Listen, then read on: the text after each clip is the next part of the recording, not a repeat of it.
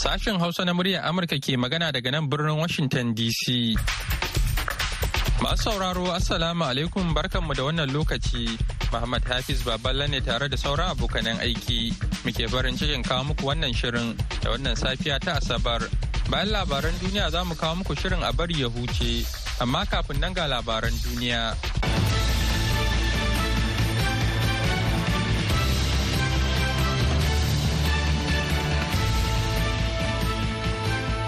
Jama'a Assalamu alaikum barkanmu da safiya da fatan an wayi gari lafiya ga kuma cikakkun labaran duniyar.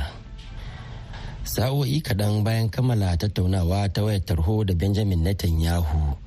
Shugaban Amurka Joe Biden ya yi watsi da rashin jituwarsa da Prime Minister na Isra'ila kan ƙasar Falasɗinu a nan gaba a matsayin manufar siyasa a Gaza bayan yaƙin.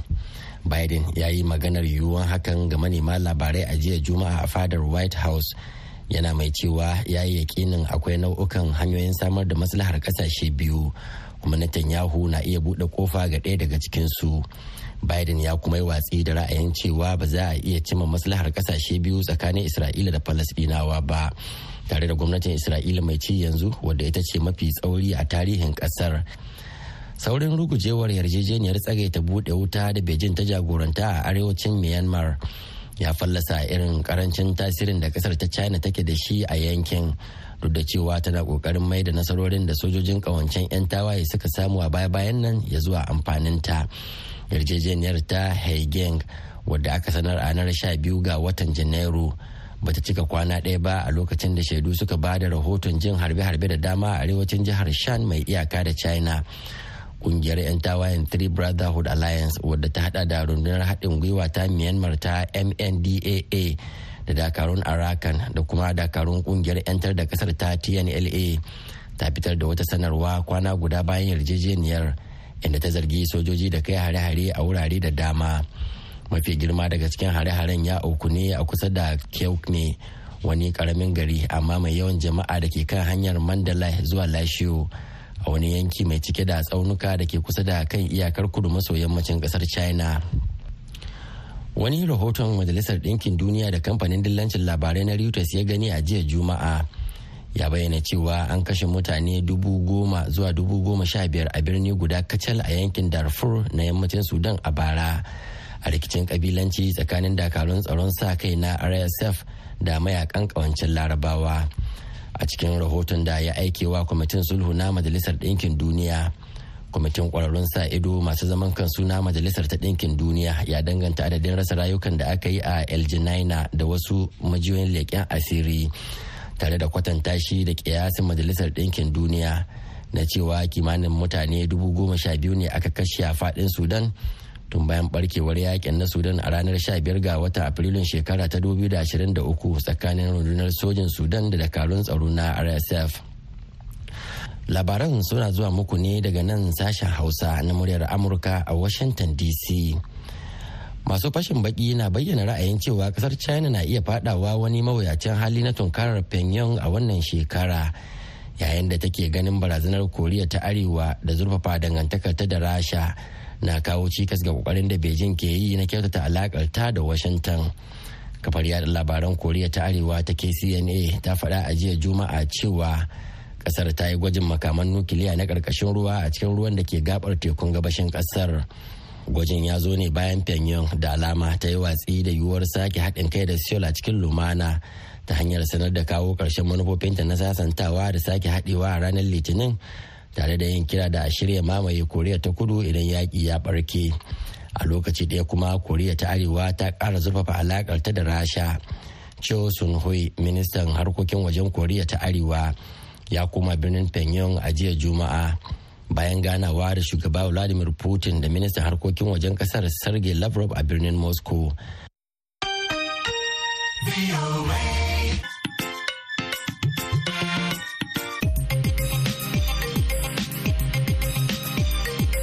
Labaran duniya kuka saurara daga nan sashen Hausa na murya Amurka a birnin Washington DC.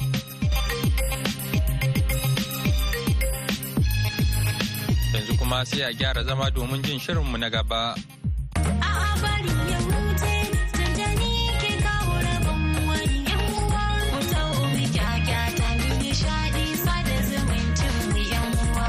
Masu saurari Assalamu alaikum barkamu da asuba barkamu kuma da sake saduwa da ku a wani sabon shirin a bari ya huce. Wanda masu iya magana kan ce shi ke kawo da rabon wani.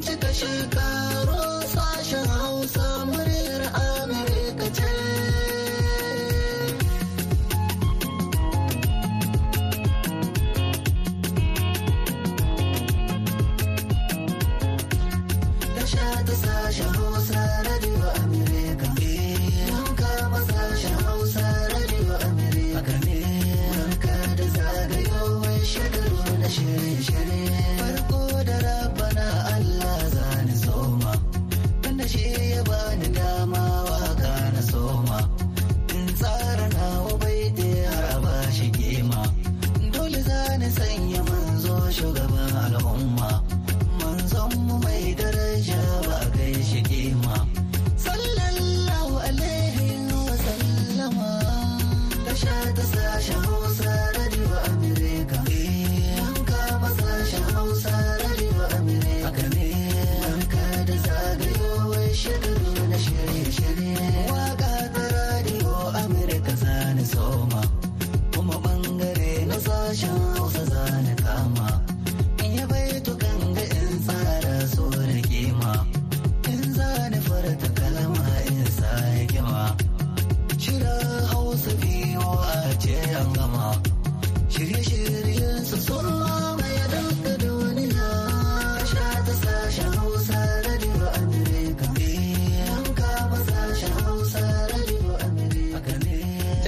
Assalamu alaikum barkamu da asuba da fatar an wayi gari lafiya na sanyin na an tashi lafiya. Lafiya kalau malama Grace da fatan an wayi gari yau An sha dusar kankara lafiya ta biyu. Ana nan ana sha to ga ta nan to ai tun lokacin da aka fara take ba abin nan ba so mu kamar muna muna muna rayuwa ne a cikin firjin fa. Ai Hauwa ce ta kira mana ita. Nace Hauwa ce ta kira mana ita tana son tiga da kankara.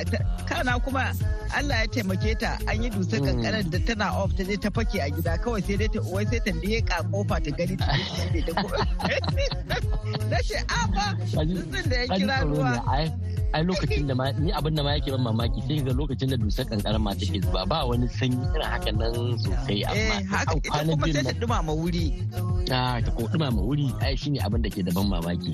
Haka haka sai dai sai dai kuma ta tafi kawai sanyi yawa kawai shi kuma sanyi ya hana ta narkewa sai kuma ya zama da hatsari. Santsi ɗin nan. Gaskiya haka ne. To mu ma dusar kankaran ta yi mana sallama da biki da muke ciki.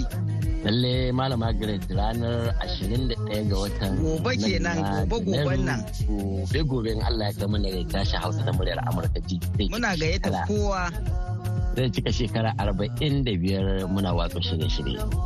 Na sanyi da lokacin an haihe ku aka fara shi ko kuma ba? A'a ba malama Grace ba ne muke ba To su ba ne da su sarfilu. A'a ba da baba ba amma kin ga su sarfilu da su hafiz su ne yan yara yan matasa. Su lokacin an fara ba tashar mata girme su kenan. A tashar ta girme su ke. A ni dai a bakin ka na ji. Ni ban faɗa ba a bakin ka na ji. A a ke kika fara faɗa. Ni a bakin bakin ka na ji. Sarfilu ba kai ne ba ni a bakin bakin na sanyi na na ji. To ai sabili da haka na sanyi na yau muka ga ya dace kaga ma'abota wannan shirin waɗanda suka aiko mana da saƙonni Allah kaɗai ya san ya kasu. Amma kamar yadda ake faɗa komai kirkin ka baka gama kasuwa da gaisuwa sabili da haka saƙonnin su yau kawai za mu saka. gaskiya ne daga nan kuma sai mu yi cika alkawarin da muka yi wa masu taurare. Haka, labarin bai nisa ba. Honorable bashir maruba eh, labarin sa na biyu honorable bai nisa ba honorable ya dawo To na san yana bari mu fara da gaishe-gaishen eh, su shugaba Zaidu. To madalla. To madalli muna godiya matuka domin ah, wannan karamci da kuma ƙara taya mu murna. Da 'yan uwa da abokan arziki suka yi ba? haka haka eh amma kamar yadda muka Allah ya sa kuma waɗannan addu'o'i da kuka mana Allah ya sa mu yi abin da muka fi ya fi da Allah ya sa gaba tafi baya kyau to a nan kuma kamar yadda muka faɗa waɗannan wakilci ne na ɗimbin gaishe da muka samu da kuma fata alkhairi da daga sauran mutane sai dai a yi mana halin afuwa.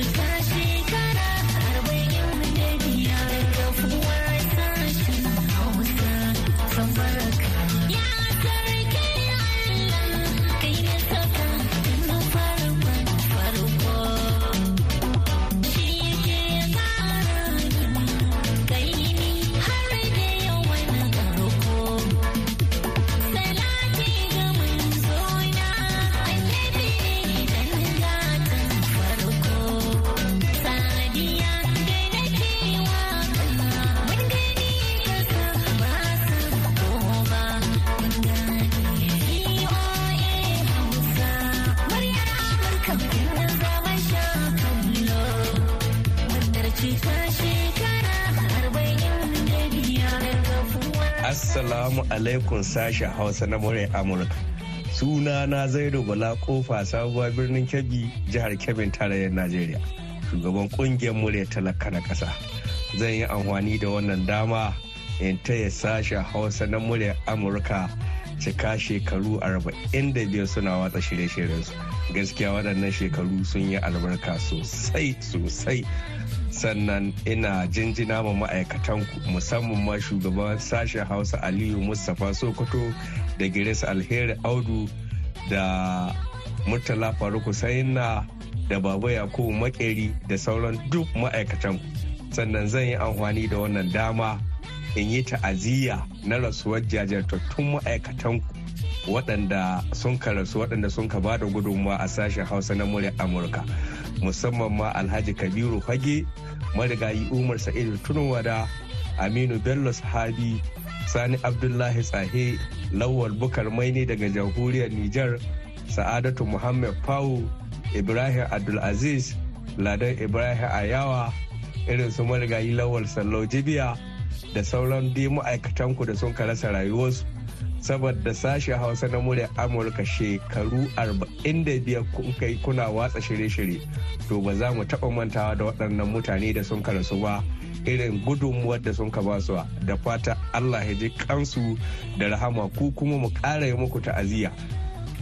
Assalamu alaikum murya Amurka.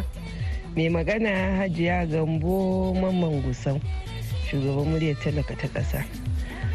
Hakikan ina taya ku na ƙwarai da gaske da cika shekara arba'in da biyar da kafuwa. Ma'aikatanku sababbi da tsofaffi da waɗanda suka rasu allah ji kansu ina muku fatan alheri. Hakika murya amurka rediyo ne wanda ya san hakkin al'umma kuma ya san ma'amala da jama'a. Domin mu shaida ne 'yan ƙungiyar murya talaka. Kun ba mu haɗin kai kun taimake mu kun tallata mu. Duk inda muke taro duk shekara kuna tare da mu. Muka ba mu ƙarfin gwiwar da har muka tsaya muke muke ma talaka aiki. Wallahi tallahi ba ƙaramin daɗi muka ji ba shekara arba'in da biyar. Shirye-shiryen ku masu ƙayatarwa ne ƙwarai da gaske. Kuma most especially da safe. Ni da safen nan ma idan na tashi ina idan da sallah rediyo na na kusa da ni. In ba na jawo na kunna na kamo rediyon amurka ba tunin a ranar nan nakan ji kamar wani ɓangare ne na jiki na ya dan ragu. Assalamu alaikum shafale kafin magaji danya musa kuma shugaban ƙungiyar muryar talaka na jihar nasarawa kuma kakakin sarkin mai martaba sarkin kafi rediyo voa barkanku da aiki. Muna yi muku fatan alheri na cikan shekaranku 45 da gudanar da aikin gidan rediyo da kafuwa. Allah ya kara muku ƙarfin gwiwa da ma'aikatan gidan rediyo boa ga baki ɗayan karkacaf. Muna muku fatan alheri. Allah ya kara mana zaman lafiya da kwanciyar hankali. Kuma gaskiya magana rediyo boa kun yi rawan gani saboda magana dai in ba na gaskiya ne ba ku amfani da shi. Gaskiya kuke faɗi komin ɗacinta. To allah ya taimake ku kan aikinku. Assalamu alaikum boa mai magana alirab kana gashuwa babban odita janar na muryar talaka na najeriya. Ina taya sashen hausa na muryar amurka murna cika shekaru 45 yana gabatar da shirye-shiryensa ta harshen hausa. Mun ji daɗi da cika wannan shekaru 45 allah ja zamanin boa sashen hausa na murya amurka. Sannan kuma ina gaida shugaban sashen hausa aliyu mustapha sokoto tare da giras alsheri abdu tare da irin nasiru adamu shikaya tare da wakilan sashen hausa na murya amurka ko ina suke a duniya.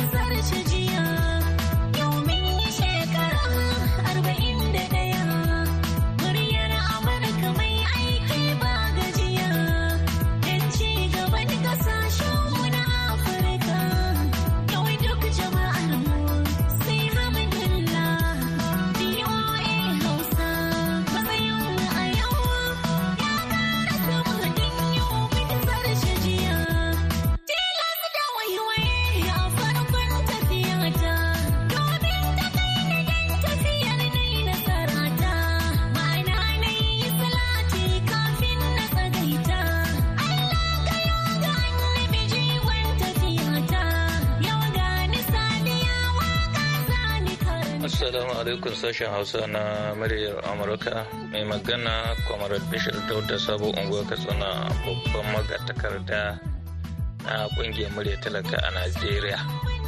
Suna so yi amfani da wannan dama in taya sashen Hausa na muryar Amurka murna cikar su shekaru 45 suna jan zaransu ba tare da ya tsinke ba. Hakika sashen Hausa ta amsa sunanta na cewa duniya a tafin hannunka da muka la'akari da shirye-shiryensu da suke gabatarwa masu ma'ana da faɗakarwa da ilmantarwa da kuma nishaɗantarwa musamman shirinmu na filin abar ya huce shi ke kawo rabon wani.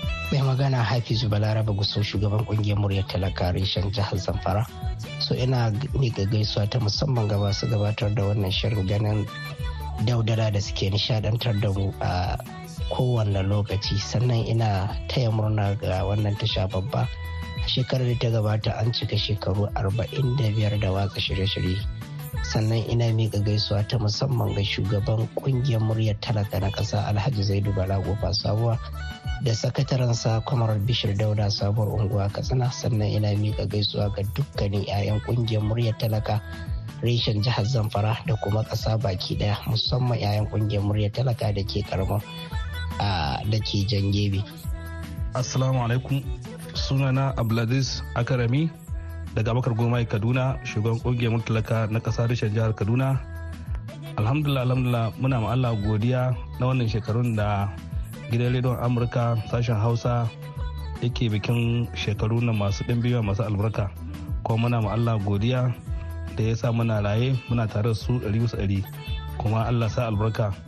Ma'aikatan gidan rediyon amurka ba za mu ce musu sai dai mu ƙara godiya ga allah da ya ba su hazaƙan nan da basira da suke ba mutane labari sahihai da kuma labarai ingantattu. Muna godiya ga shugabannin rediyon amurka da kuma sauran ma'aikata musamman shugaban nasu aliyu musa sokoto da su malama grace da su kwanan nan ma da ita a washiru da zo da su a sauran wakilansu da ke sauran a jihohi ko kuma mu ce a najeriya. Su nasiru alkiyama da dai sauransu da sauran wasu ke kusan ƙasashen afirka wakilansu da sauran ƙasashen duniya ne ga baki ɗaya. Ma'aikatan gidan rediyo amurka nan muna masu godiya sosai. Ga tashar al'umma majiya matsayin ya zarta yan bayan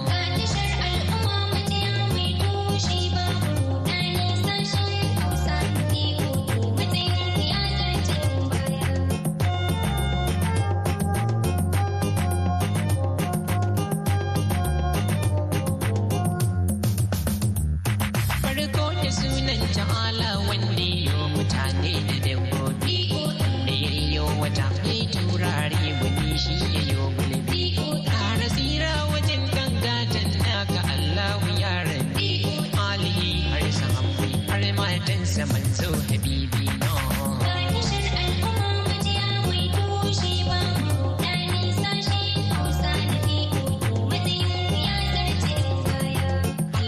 to na san yana ga bakon naka. To malama Grace kamar yadda muka yi wa masu sauraron mu alkawari yau ma za mu kawo muku wato labari na biyu na Honorable Bashir Maru wanda aka fi sani da Asa Hikima da ke jihar Zamfara kamar yadda muka gaya muku ko kuma muka yi muku matashiya a wancan makon wato shi Honorable Bashir Maru Allah ya halicce shi ne wato wada ne wanda ke daga jarta sosai. Daga shi har abokin nashi. Malama Grace wanda ya shiga gida. Wanda ya raka shi gida gida abin wanda ya raka shi zance eh wanda ya raka shi zance yau kuma ga yau kuma ga labarin su wato zuwa tarbon gwamna da suka ji gwamnan jihar Zamfara da amma wayannan abokai ne na kudda kudda ya sosai sosai sosai kuwa. A filin jirgin saman sarkin musulmi abubakar na uku da ke tabbutu mafi akasari a nan suke zuwa tarbin gwamnati idan ya dawo daga tafiya. Yawa to bari mu ji labarin. Bayan kun sauko jirgi ka san mun tarbe ku. Na'am. To bayan mun gaisa shi wannan abokin da ka san ya taba karewa da kafa ka san shi tahiya ta yi mai gidan haka take kawar gudun mu. To yana ta sauri. Ni kuma da yake ina ina iya da gudu sai na dago kawa na yi gudu. Yana yana sauri ni kuma ina gudu. Ina biye da shiya yana waiwaiwa sai jina cikin kawahu ne. Sai ce ah malam ina dan orga sai ce ga ce ga ce Allah taimake kai na sai ce to ka tsaya mai mana kula wutar tunda shi bai iya gudu. Shi ne sai nace to yayi na zo na jira shi na ce mai gida ce in tsaya in lallaba maka ma isa. Ya ce to mun zo muna tahiya a hankali muna tahiya yana yana muna tahiya muna tahiya muna tahiya. To ko da muka kawo motoci. inda motoci ka fakin ko da mun ka zo ka an shara kawai ilin iri ba kowa. Sai na ce to yau maji daɗi. Wallahi sai mu wanda ake mu. Ka dai ga an tafi an ban mu. Sannan ni da kai nan inda muke ba wanda adda ko tarau kuma bayan nan ba wanda a ganin mu cikin daren gai ɗauke mu. Ya kai mu ko cikin garin sakkwato na ce to yanzu abin da za a yi abin da ya kamata mu rage hanya mu kama hanya daga nan mu ta can bakin titi. Mu tara ko Allah na sa mu samu mai mashin ko mai motar da zai taimaka mana ya kai mu ko da rawan mai ruwa. Muka kama hanya mun ka ta tahiya mun ka ta tahiya. Sannu sannu. In mun ka dan mun taba tahiya mu tsaya mu zauna mu huta mu tashi. Da muka kawo bakin titi muna tsaye haka jeri. Ni ina ni ina nan shi ina nan. A kun ka jera? To i muna tsaye bakin titi. Don mai motar da ya kawo na daga hannu haka ina haka sai dai wata oda sai in ji mota ta canza kuka. Ya karasa ya yi fili ya sa giya guda ya taka ya wucewa ta. Kaga ba alamun taimako ba alamun ɗaukakan mu. Mota kusan uku ne tara tana mana haka nan. Na tara mashin shi ma na ɗai har ya tsaya ya taka birki kusa gare mu yana ganin yana ganin tsawon mu dai aiko sai ya sa giya ya yi waɗin sai da taya ta ta zama mana ƙasa. Shi ma ya tsere. Na biyu taho shi ma shi bai iya tsaya ba yana ganin mu shi ma ya ƙara wuta. To na ukun shi da uku Allah ya sa shi ta rutsa da shiya daga nesa na mai pitos mai sai ya tsaya. Ya riga ta rori mashin ya mutu. kuma ni na zo ga hannun mashin na riga na riga na riƙe bashi haka. Na riƙe hannun mashin haka. Sai na ce mai kai malam rawa mai ruwa za ka kai mu da Allah. Sai ce to to idanu haka yana yana ta haka yana ta jirgin rawa. yana ta kalle kalle haka ce malam da Allah ka saurara da Allah. Mutane mutu ka kawo da kake mutum kana ta wani abin sai ce to to to kwawo to kwawo to kai maji daɗi mutunan gada ka tsoron mu. Na ce to fara hawa. Shi ya fara hawa. Wai yana hawa ka sa abin da ka sa abin da yawa mai mashin ɗin ga? Sai ɗauki hannuwa ne ya aza bisa bisa ka haɗon mai mashin. Bayan na bayan ni na he na da nika na hai. Sai kawai ni game ni ma na ta yanka hannuwa na sai na je je mashin na na na na na dungura na dungura haka ka hada yana so waje da dai sun kada hannuwa ne. Kada ya kalle shi. Aljani ajan kuzo shi ke nan zai ce kai malam da Allah tsaya da Allah. Na hada ma mutane muke da Allah ka ka ka ka ka ka da mu a hankali ka ka da mu ka kasabata mu. Sai ce to sai buga mashin. Mun ka taso muna ta taya muna ta taya dai wai sai wai dai wai sai ya haka.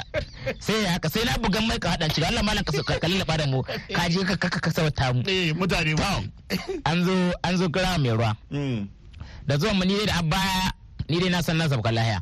Amma wallahi shi kan maji daɗi kawa guda kawa ga ya kare ran fa. Ga ya ga ya wanda adda kariya wallahi kawa guda ya dago mai mashin ɗin nan wallahi ba magana wai ina magana ciniki ina wanda an kai da kuɗi. Ina? eh bulki maji daɗi kwaɗo zanne. Daga dandada mutane kuma na wurin sun kazo sun kai mana dandaɓulle sun an ka kewaye mu. Sai kawai na daga waya sai na kira shi shi shi shi mai daraja gwamna. Sai ci malam bashir ina kuke? Sai ni ci Allah taimake ka ai ka baro mu airport. Sai ka ka ba ce wallahi ka gani mu nan ne ga mutane ko su canye mu. Da ke an ka ɗauko mu daga airport ga mashin aka kawo barawa mai ruwa. To da an tusa da aboki ne tambuwal yana sakkwato sai buga mai waya ce ga mutane na can na mancake su airport.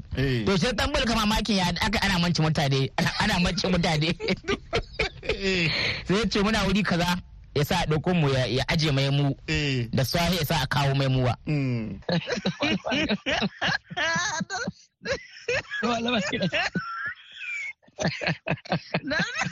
na sanyin da ko kai aka mamake ai kai ba.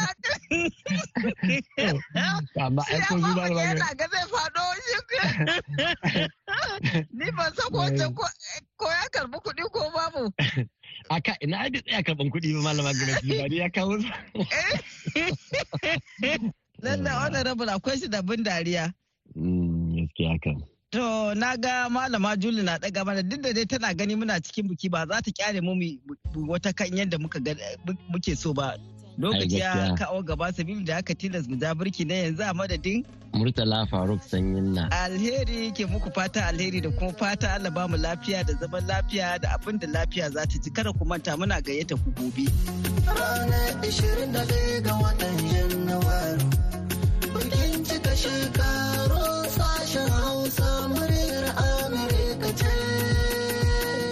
Wannan shirin na zuwa muku ne kai tsaye daga nan sashen Hausa na muryar Amurka a birnin Washington DC. Yanzu a madadin dukkan waɗanda suka ba da gudunmawa ga nasarar wannan shirin da suka hada da Julie Gresham da ta hada shirin da ba da umarni. Muhammad Hafiz Baballa ke sallama da ku a wuni lafiya.